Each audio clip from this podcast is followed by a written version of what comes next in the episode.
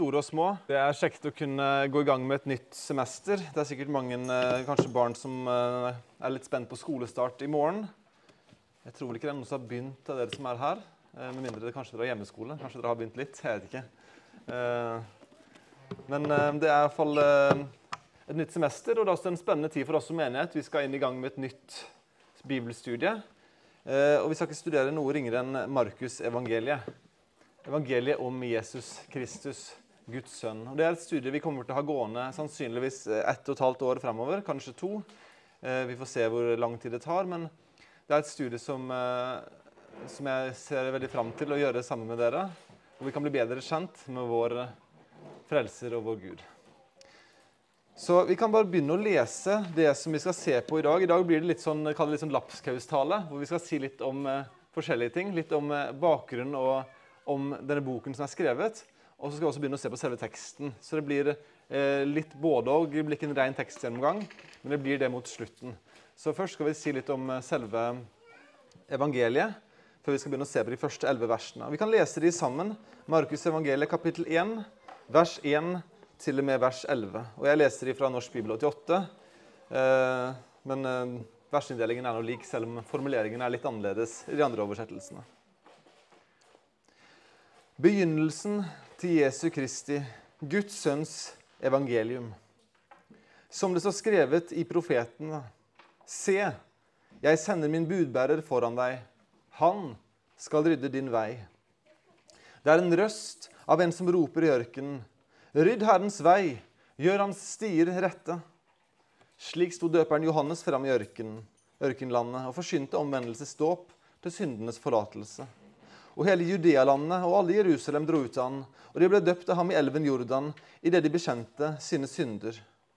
Johannes gikk kledd i klær av kamelhår og hadde lærbelte om livet, og maten hans var gresshopper og vill honning.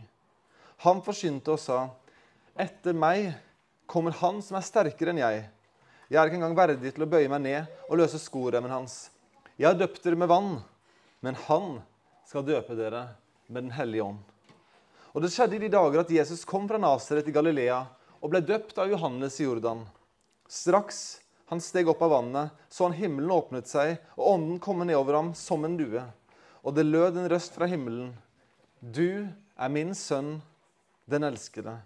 I deg har jeg velbehag. Gode himmelske Far, vi takker deg for ditt ord som er levende og virksomt. Og nå ber vi om at du må velsigne forskyldelsen av ditt ord og hjelpe oss alle til å forstå det som du vil ha formidla til oss. Vi takker deg for at Jesus kom for å frelse oss. At han kom som verdens frelser. Og jeg ber om at vi nå kunne må bli mer frimodige i vår tro, i vårt vitnesbyrd, ved å bli bedre kjent med Jesus, din sønn, Messias, kongenes konge. Og Jeg ber om at du må velsigne hver enkelt, stor og liten, at vi må forstå det som blir sagt, og at du må hjelpe jeg som forsyner til å tale klart og tydelig. Og vi ber om din velsignelse og din ledelse ved din ånd i Jesu navn. Amen. Se for deg at eh, en venn eller bekjent av deg ringer deg og sier jeg vil gi deg en sjanse, og bare en sjanse, til å fortelle meg om Jesus. En anledning til å selge, deg, selge meg religionen din. En sjanse til å overbevise meg. Hva hadde du sagt da? Hvordan hadde du formulert deg? Du fikk én mulighet. Hva hadde du inkludert, hva hadde du tatt med, og hva hadde du utelatt? Og så får du i tillegg følgende informasjon. Jeg er muslim, jeg bor i Iran, og hvis jeg konverterer til kristendommen, så vil jeg være i livsfare. Da vil familien min forsøke å drepe meg. Påvirker det hvordan du formulerer deg? Du vet at dersom vedkommende blir en kristen, så kan han i verste fall dø. I en slik situasjon så vil jeg tro at du vil vekte dine ord vel. En vil forsøke å ta med den aller viktigste informasjonen. Ikke for lite informasjon, men heller ikke for mye. En vil forsikre seg om at den en snakker med, får alt en trenger å vite, så en kan respondere på et så godt grunnlag som mulig. Realiteten av at liv og død er på spill, påvirker hvordan en uttrykker seg. For det verste som kan skje, er at denne personen risikerer livet sitt basert på feilinformasjon eller at han ikke risikerte livet sitt fordi personen ikke forsto hvorfor han eller henne skulle være villig til det. Da Markus skriver sitt evangelium i Roma, sannsynligvis mot slutten av år 60, 64, 5, 67, 66, så var det akkurat denne utfordringen han sto overfor. Han skulle skrive et evangelium om Jesus. En overbevisning om hvem han var. Som forklarte hvorfor menn og kvinner skulle bli etterfølgere av Jesus, selv om det med god sannsynlighet ville koste dem livet. Evangeliet er med all sannsynlighet skrevet under keiserdømmet til Nero. Nero som ble anklaget for å være ansvarlig for den store brannen i Roma i år 64 etter Kristus. Og Pga. anklagene mot han selv så valgte han å forskyve skylden mot de mest forhatte gruppene i byen, hovedsakelig de kristne. Og Resultatet ble en massiv forfølgelse av de troende, av de kristne, under Nero.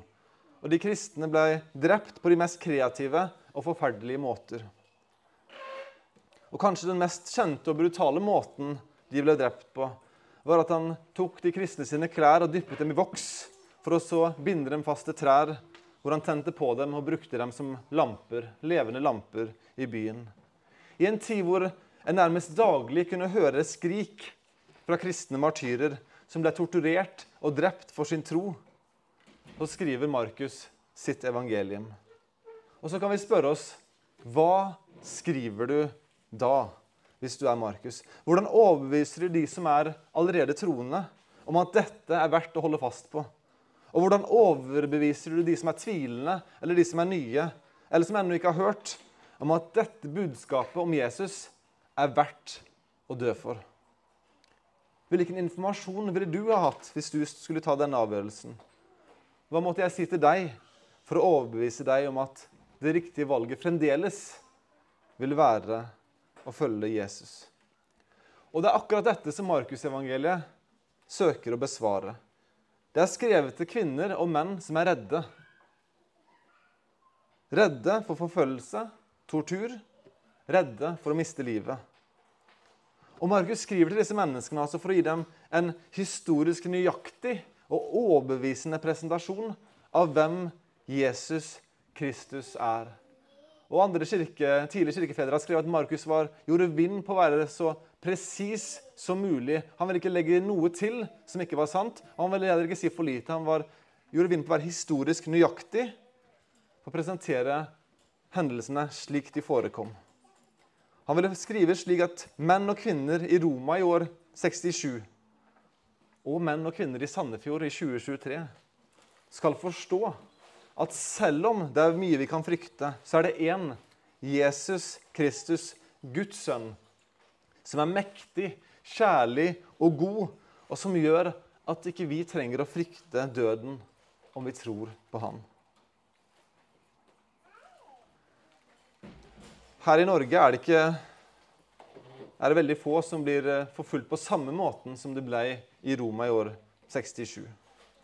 Men jeg tror ofte vi kan være redde som kristne også i dag. Menneskefrykt kjenner nok de fleste av oss på. Frykt for utenforskap blir mer og mer vanlig. For å bli latterliggjort, for å bli anklaget for å være hatefulle eller ukjærlige.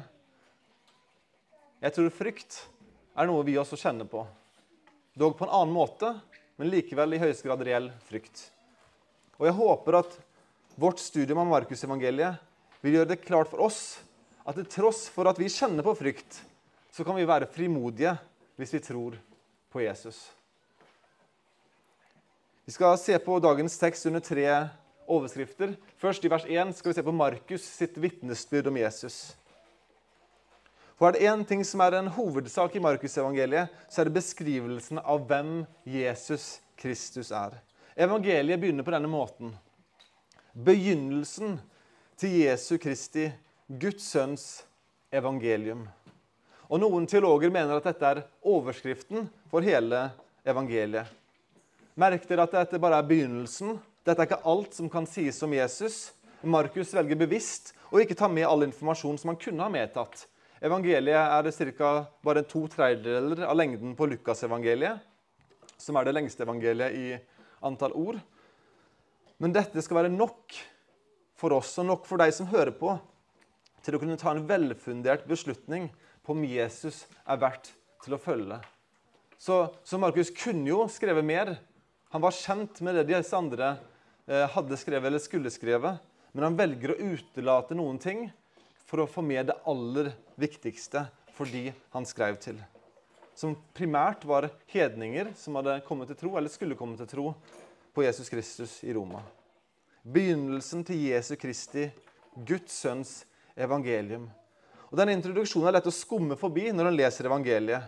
Men for Markus så er hele hensikten med evangeliet presentert i dette åpningsverset. Jesus, Jeshua, frelseren, Kristus og Guds sønn. Helt sentrale begrep. Det er mange som har forsøkt å dele inn evangeliet på forskjellige måter. Og jeg vet ikke hva som er den aller beste måten. Men jeg tror at det er riktig å si at evangeliet bygger seg opp mot to klimaks. To bekjennelser av hvem Jesus er, som vi blir introdusert til allerede i vers 1. Og Den første bekjennelsen som Markus skal fremprovosere hos leserne og lytterne, er bekjennelsen av at Jesus er, som det står i vers 1, Kristus. Altså den greske formen for ordet Messias. Jesus er Messias, den salvede. En tittel reservert for konger, men som også anvendes på profeter og prester i Det gamle testamentet.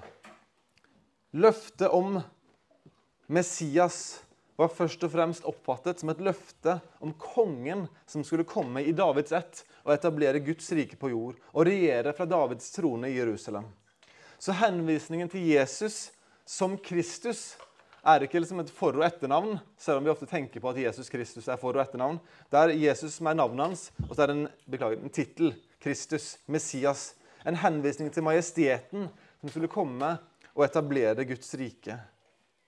Og Her i vers 1 av Markus så proklamerer Markus at Jesus er denne lovede herskeren som skal etablere Guds rike på jord. Dette er kongen. Enhver konge har autoritet.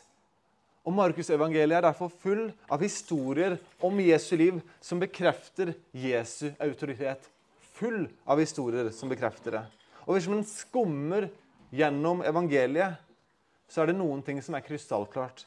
Jesus har autoritet. Han har autoritet over åndeverden. Demoner frykter han. Han har autoritet over sykdom. Han kan helbrede. Han har autoritet over sabbaten autoritet over natur, skaperverk, bølger og vind. Han har autoritet over tempelet. Han har autoritet over liv og død. Og han har autoritet til å tilgi synd. Jesus er Messias. Og dette blir understreket gjennom historiene om Jesu autoritet, demonstrert i beskrivelser av hva han sa, men også først og fremst hva han gjorde hva Jesus gjorde. Faktisk er det slik at Markusevangeliet har mye mer skildringer av hva Jesus gjorde, enn hva han sa. Matteusevangeliet har fem lange taler. I hvert fall de fleste av de er ganske lange. Men i Markus har eh, vi bare to av de. Og de to vi har, er kortere enn de tilsvarende talene gjengitt i Matteus. Så talene er ikke i fokus, selv om vi skal se litt på disse etter hvert også. Men det er hva Jesus gjorde, som er i fokus. Det er et evangelium som raskt skynder seg fra én begivenhet til den neste. Og da vi hadde skriftlesning eh, gjennom evangeliet, så sa jeg at ordet 'straks' er et sånt ord som blir gjentatt og brukt veldig mye. Straks så skjedde dette. Straks så skjedde dette. Og ordet som beskriver en konklusjon eller sceneskifte, er brukt mer i Markusevangeliet enn i de tre andre evangeliene til sammen. Selv om dette er det korteste evangeliet. Så det er et evangelie som hopper raskt fra den ene hendelsen til den andre. Og det er nesten sånn at Hvis du leser gjennom evangeliet, i, setter deg ned og bestemmer å lese gjennom fra første kapittel til 16. kapittel, som jeg anbefaler alle å gjøre en gang i løpet av dette studiet Leser du på en måte gjennomgående gjennom kapittelet, så er det nesten sånn at han blir litt stressa, utmattet, fordi intensiteten i evangeliet er så høy. I sin kommentar om evangeliet så skriver D. Edmund Tebert at det å sette seg ned og lese Markusevangeliet uavbrutt er å få følelsen av å være omringet av folkemasser, utmattet av deres behov, samtidig som man er under demoners konstante angrep. Det er en stressende og intens opplevelse.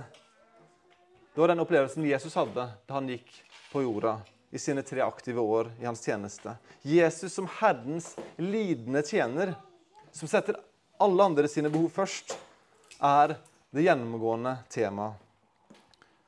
Og Markus 10, 45, som kanskje er det mest kjente verset i hele evangeliet, er også med å understreke det som er gjennomgangstonen i hele evangeliet.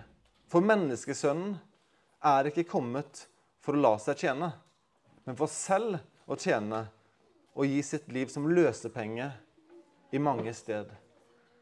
Dette er det vi ser som er demonstrert i hele evangeliet. Herrens lidende tjener, som også er kongenes konge, med Messias sin autoritet. Og Den aller første delkonklusjonen, som blir det første klimakset i evangeliet, får vi når vi kommer ca. halvveis til kapittel 8, fra Peters egen munn. I Peters store bekjennelse, hvor han sier i Markus 8,29.: Du er Messias. Det tok åtte, kapitler, åtte gode kapitler før disippelen kom til den konklusjonen som blir introdusert til oss i kapittel 1, vers 1. Du er Messias. Et menneskes bekjennelse av at Jesus måtte være den lovede Messias, med autoritet, myndighet, Herrens lidende tjener. Det er denne Messias menn og kvinner og barn i Rom var kalt til å etterfølge, og som vi i dag er kalt til å etterfølge.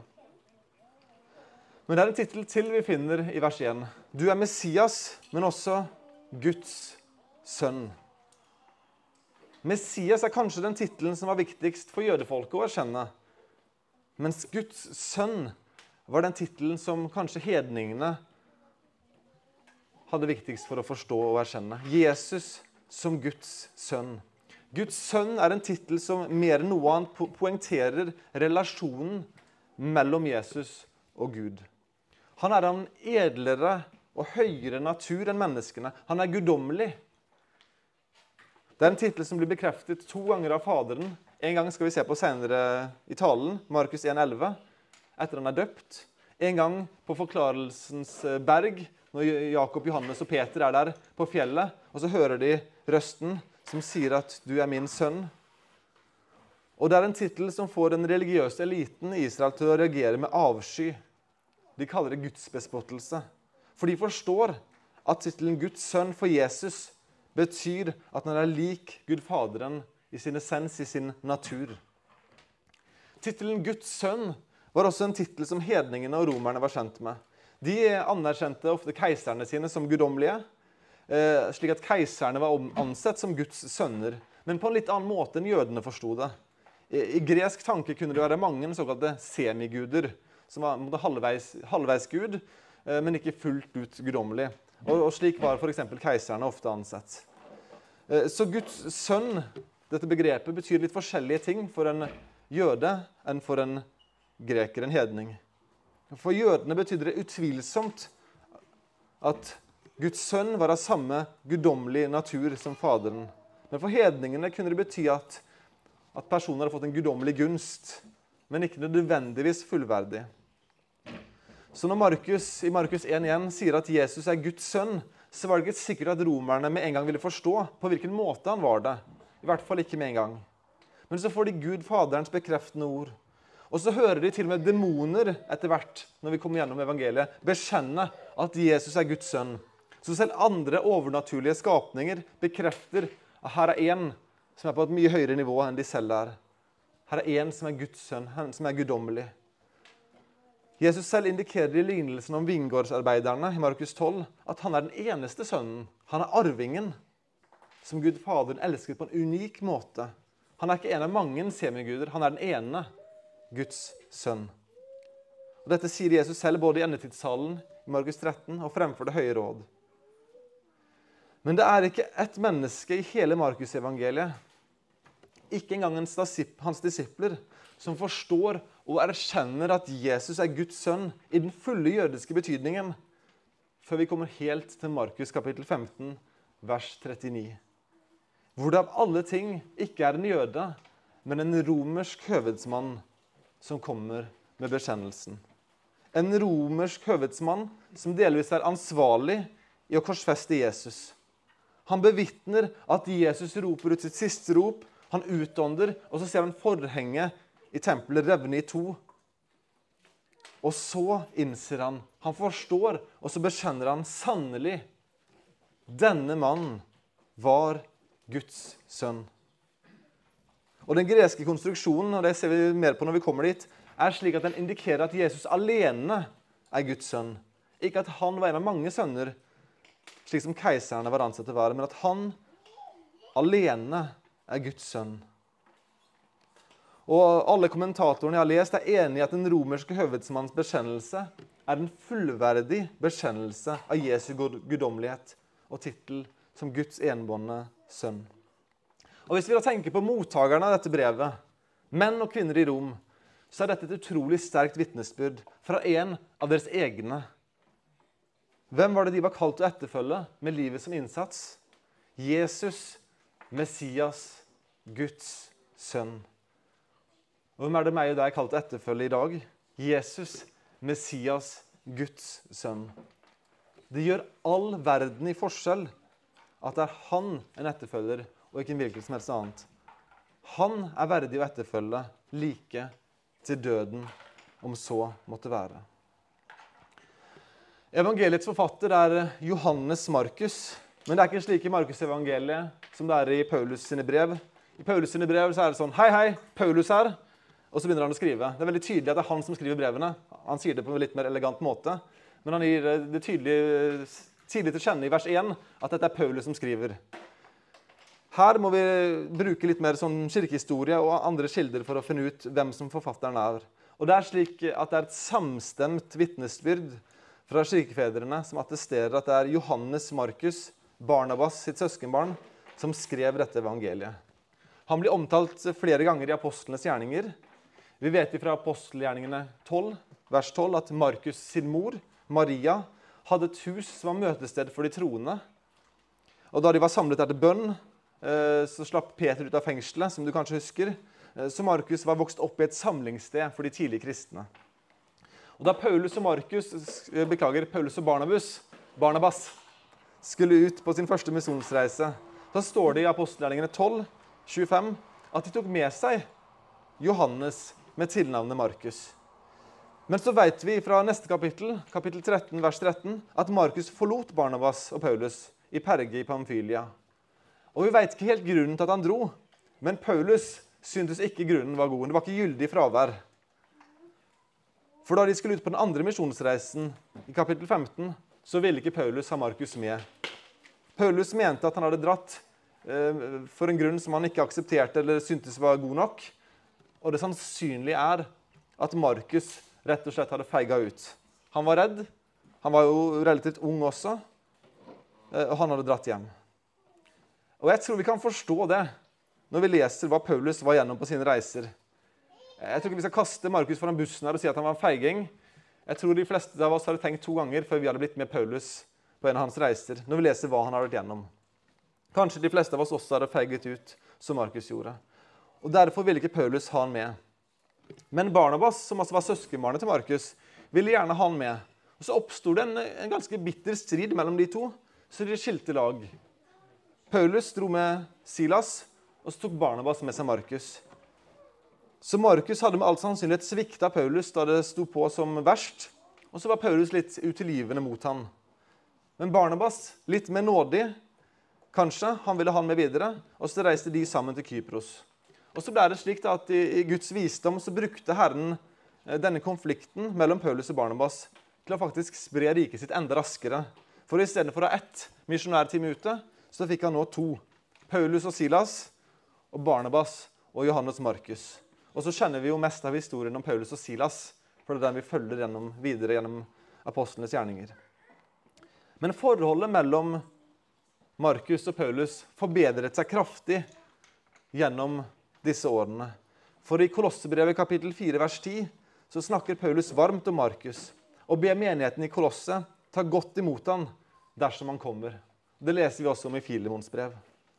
Og dersom Paulus oppfattet Markus som eh, udugelig til tjeneste på hans første misjonsreise, så har Paulus følgende å si om Markus i hans siste brev, 2. Timoteus brev, kapittel 4, vers 11. Rett før han selv skal dø, så sier han følgende.: Få tak i Markus og ta han med deg, for han er til nytte for meg i tjenesten. Fra udugelig i Paulus' øyne til en som var til nytte for han helt inn mot hans død. Og Det er veldig sannsynlig at det var Peter som var grunnen til endringen i Markus. Peter var vel kjent med huset som Markus hadde vokst opp i. Og, I 1. Peters brev, kapittel 5, vers 13, så kaller Peter Markus for sin sønn, som er den mest kjære tittelen en, en lærer kunne gi til sin disippel. Paulus kalte jo Timoteus og Titus det samme, men her kaller Peter Markus for sin sønn. Peter, som selv hadde fornektet Jesus tre ganger og fått oppreisning av Jesus, hadde lært noe om nåde til den yngre Markus. Og da han sviktet Paulus, så var Peter sammen med Barnabas den rette personen til å ta sine vinger rundt ham. Og Selve Markusevangeliet er omtalt som Peters memoarer. Nedskrevet av Markus, men det er Peters gjenfortelling av historien om Jesus. Og det er faktisk slik at Strukturen på dette evangeliet reflekterer strukturen og hvordan Peter forsynte evangeliet for hedninger. Dersom du sammenligner Markusevangeliet med hvordan Peter forsyner for Kornelius i apostelgjerningene 10, så ser vi at Peter forsyner for Kornelius akkurat på samme måte som evangeliet er skrevet. Han begynner å henvise til Jesu dåp, og så omtaler han Jesu gjerninger som demonstrerte hans autoritet og tjener sin, før han beskriver hans død. Og Det er akkurat samme måten som Markusevangeliet er skrevet. Skrevet av Markus, men det er Peters på en måte beretning. Og Poenget her, som det tok litt lang tid å komme til, er at Markus, på lik linje med alle disiplene, var full av feil, feighet og svik. De andre disiplene hadde også sviktet da det sto på som verst. De hadde vært redde.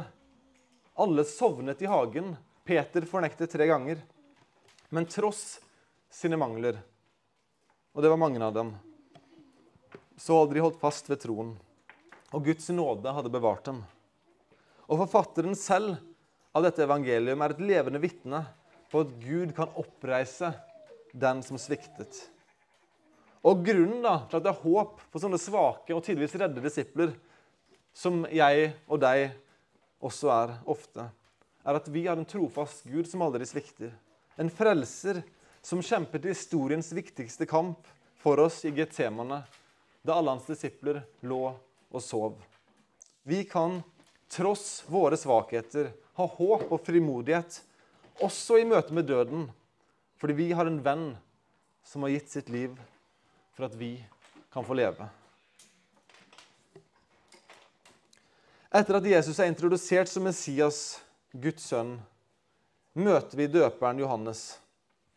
Og Vi skal ganske raskt gå gjennom disse ti neste versene. Det står skrevet i profetene, står det i vers 2. Se, jeg sender min budbærer foran deg. Han skal rydde din vei. Det er en røst av en som roper i ørkenen. Rydd Herrens vei, gjør hans stier rette. Markus 1.1 er forfatterens vitnesbyrd om Jesus. Og Nå kommer vi til Johannes, døperen Johannes sitt vitnesbyrd om Jesus. Og Her begynner det med et sitat fra Jesaja 40 og Malaki 3, som omhandler det som skal skje i tiden rett før Messias sitt komme. En budbærer skulle komme, en som skulle annonsere at kongen er på vei. Han skulle forberede folket på det som skulle skje. Og Det står i vers 4 at slik sto døperen Johannes fram i ørkenlandet og forsynte omvendelsesdåp til syndenes forlatelse.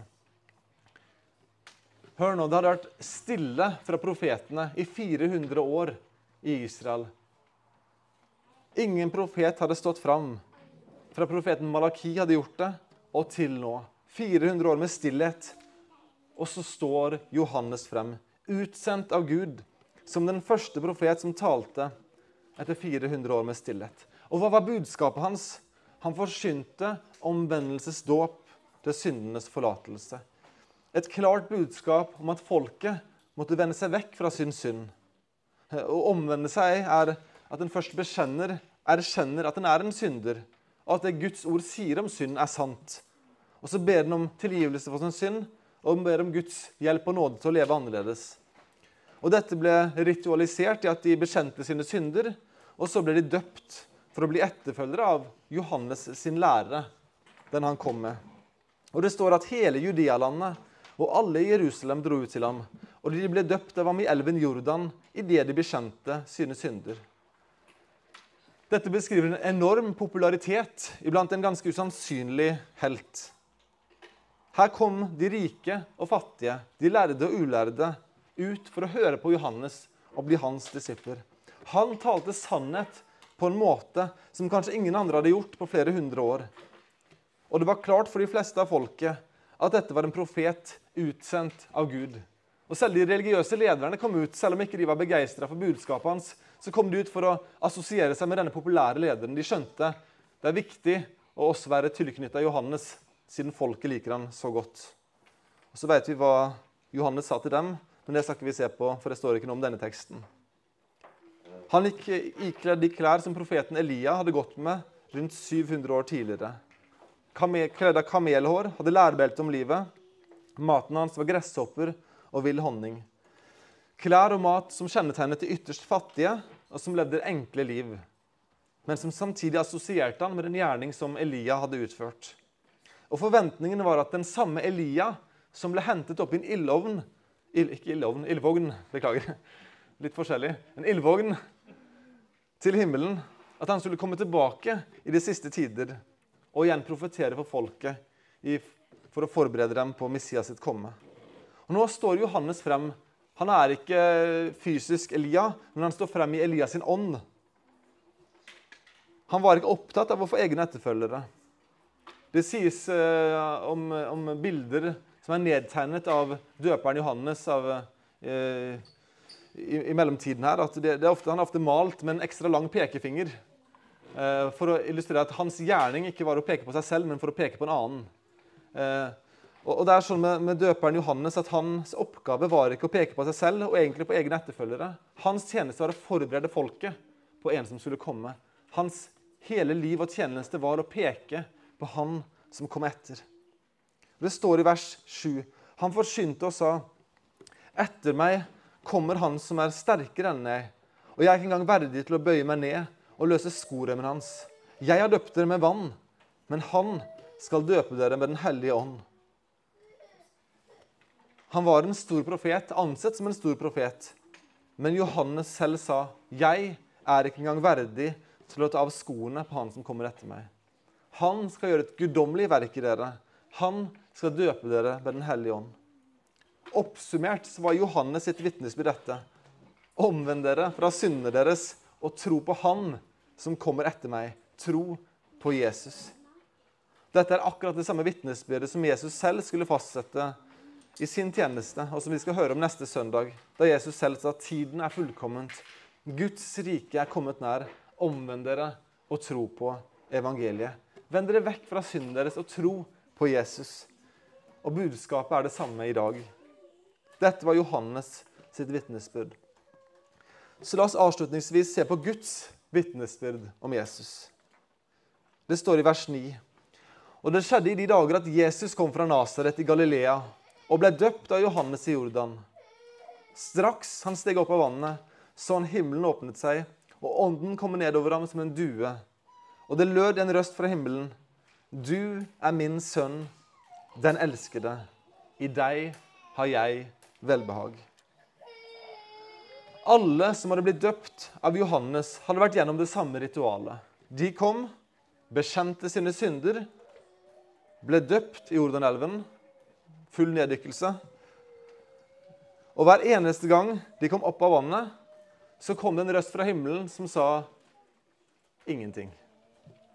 Det var helt stille. Hver gang et menneske ble døpt, de ble bekjent sine synder, ble døpt, kom opp igjen, og det var stille. Ingen røst fra himmelen. Det var stille hver eneste gang inntil denne dagen. For da kom det en som ikke bekjente noen synder da han ble døpt i Jordan. Men han lot seg døpe. Og Da han kom opp av vannet, så skjedde noe som aldri hadde skjedd før, og som ikke skjedde igjen. Himmelen åpnet seg. Eh, og Det samme ordet som er brukt for å beskrive at himmelen åpnet seg, er det samme ordet som beskriver hvordan forhenget i tempelet revnet.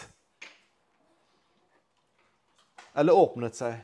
Det beskriver på en måte hvordan det nå har blitt åpnet en vei inn til det aller helligste. En vei fra mennesket, eller fra Gud ned til mennesket. Hvordan det nå var mulig å komme inn i relasjon med Gud Faderen. Himmelen åpnet seg, og Den hellige ånd kom ned over Jesus som en due. Og så kommer det en røst fra himmelen. En røst som aldri hadde kommet før. En røst som sa, 'Du er min sønn, den elskede. I deg har jeg velbehag.' Første gang disse ordene hadde blitt uttalt om noen mennesker på denne måten. Men det skulle ikke være den siste. Johannes sin dåp av mennesker som bekjente sin synd, og av Jesus som Faderen bekjente som syndfri, er en demonstrasjon av evangeliet for oss. Det er nå en mulighet for oss å bli Guds barn.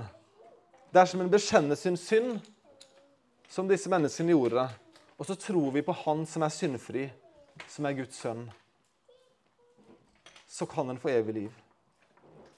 Og da er det slik at ikke bare de Jesus, men hver den som tror på Han og er i Kristus, også kan bli renset fra sin synd, bli helliggjort og arve evig liv på grunnlag av den Jesus var og er, og det han gjorde.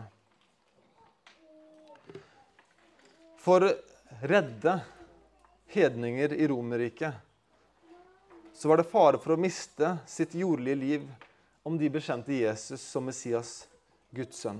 Dersom de benekta han, kunne de kanskje leve 5, 10, 20, 30, kanskje 40 år til. De kunne sikre seg noen ekstra år på jorda om de fornektet Jesus. Dersom de bekjente Jesus som Messias, Guds sønn, sto de i fare for å dø umiddelbart og så leve evig. Når vi skal studere Jesus Kristus, Guds sønn, i Markusevangeliet, så håper jeg at du, tross din svakhet og tross din frykt, også kommer til konklusjonen at Jesus er mektig til å frelse, til å tilgi dine synder og til å gi deg evig liv, om du enn dør. Og det er det dette evangeliet forsyner til oss. La oss be sammen. Gode himmelske Far. Vi erkjenner vår svakhet, kjære far. Vi erkjenner at vi er syndere, at vi ofte feiler, at vi kjenner på menneskefrykt og, og frykt for så mangt. Og at vi ofte har en uro over vårt indre, kjære far. Og, vi ber om at du må se nåde til oss, og vi takker deg for at du sendte en som var fullkommen i alt, og som var, var din tjener, din lidende tjener, kongenes konge, men også din lidende tjener. Som kom og levde et fullkomment liv og som døde i vårt sted, og som lever i dag, og som skal komme igjen. Og kjære far, jeg ber om at du må hjelpe oss alle til å, til å se på Jesus og forstå mer av hvem han er, at du må hjelpe alle oss til å tro på han, fra den yngste til den eldste. Hjelp oss til å forstå at vi kan være frimodige, ikke i vår egen kraft, men på grunnlag av hvem Jesus er. Og jeg takker deg for at vi kan stå rene og rettferdige når vi er i Kristus. At du også kan ha behag i oss fordi vi er i Han. Vi takker deg for din godhet mot oss, og vi ber om at du velsigner samværet videre. Og vi ber i Jesu navn. Amen.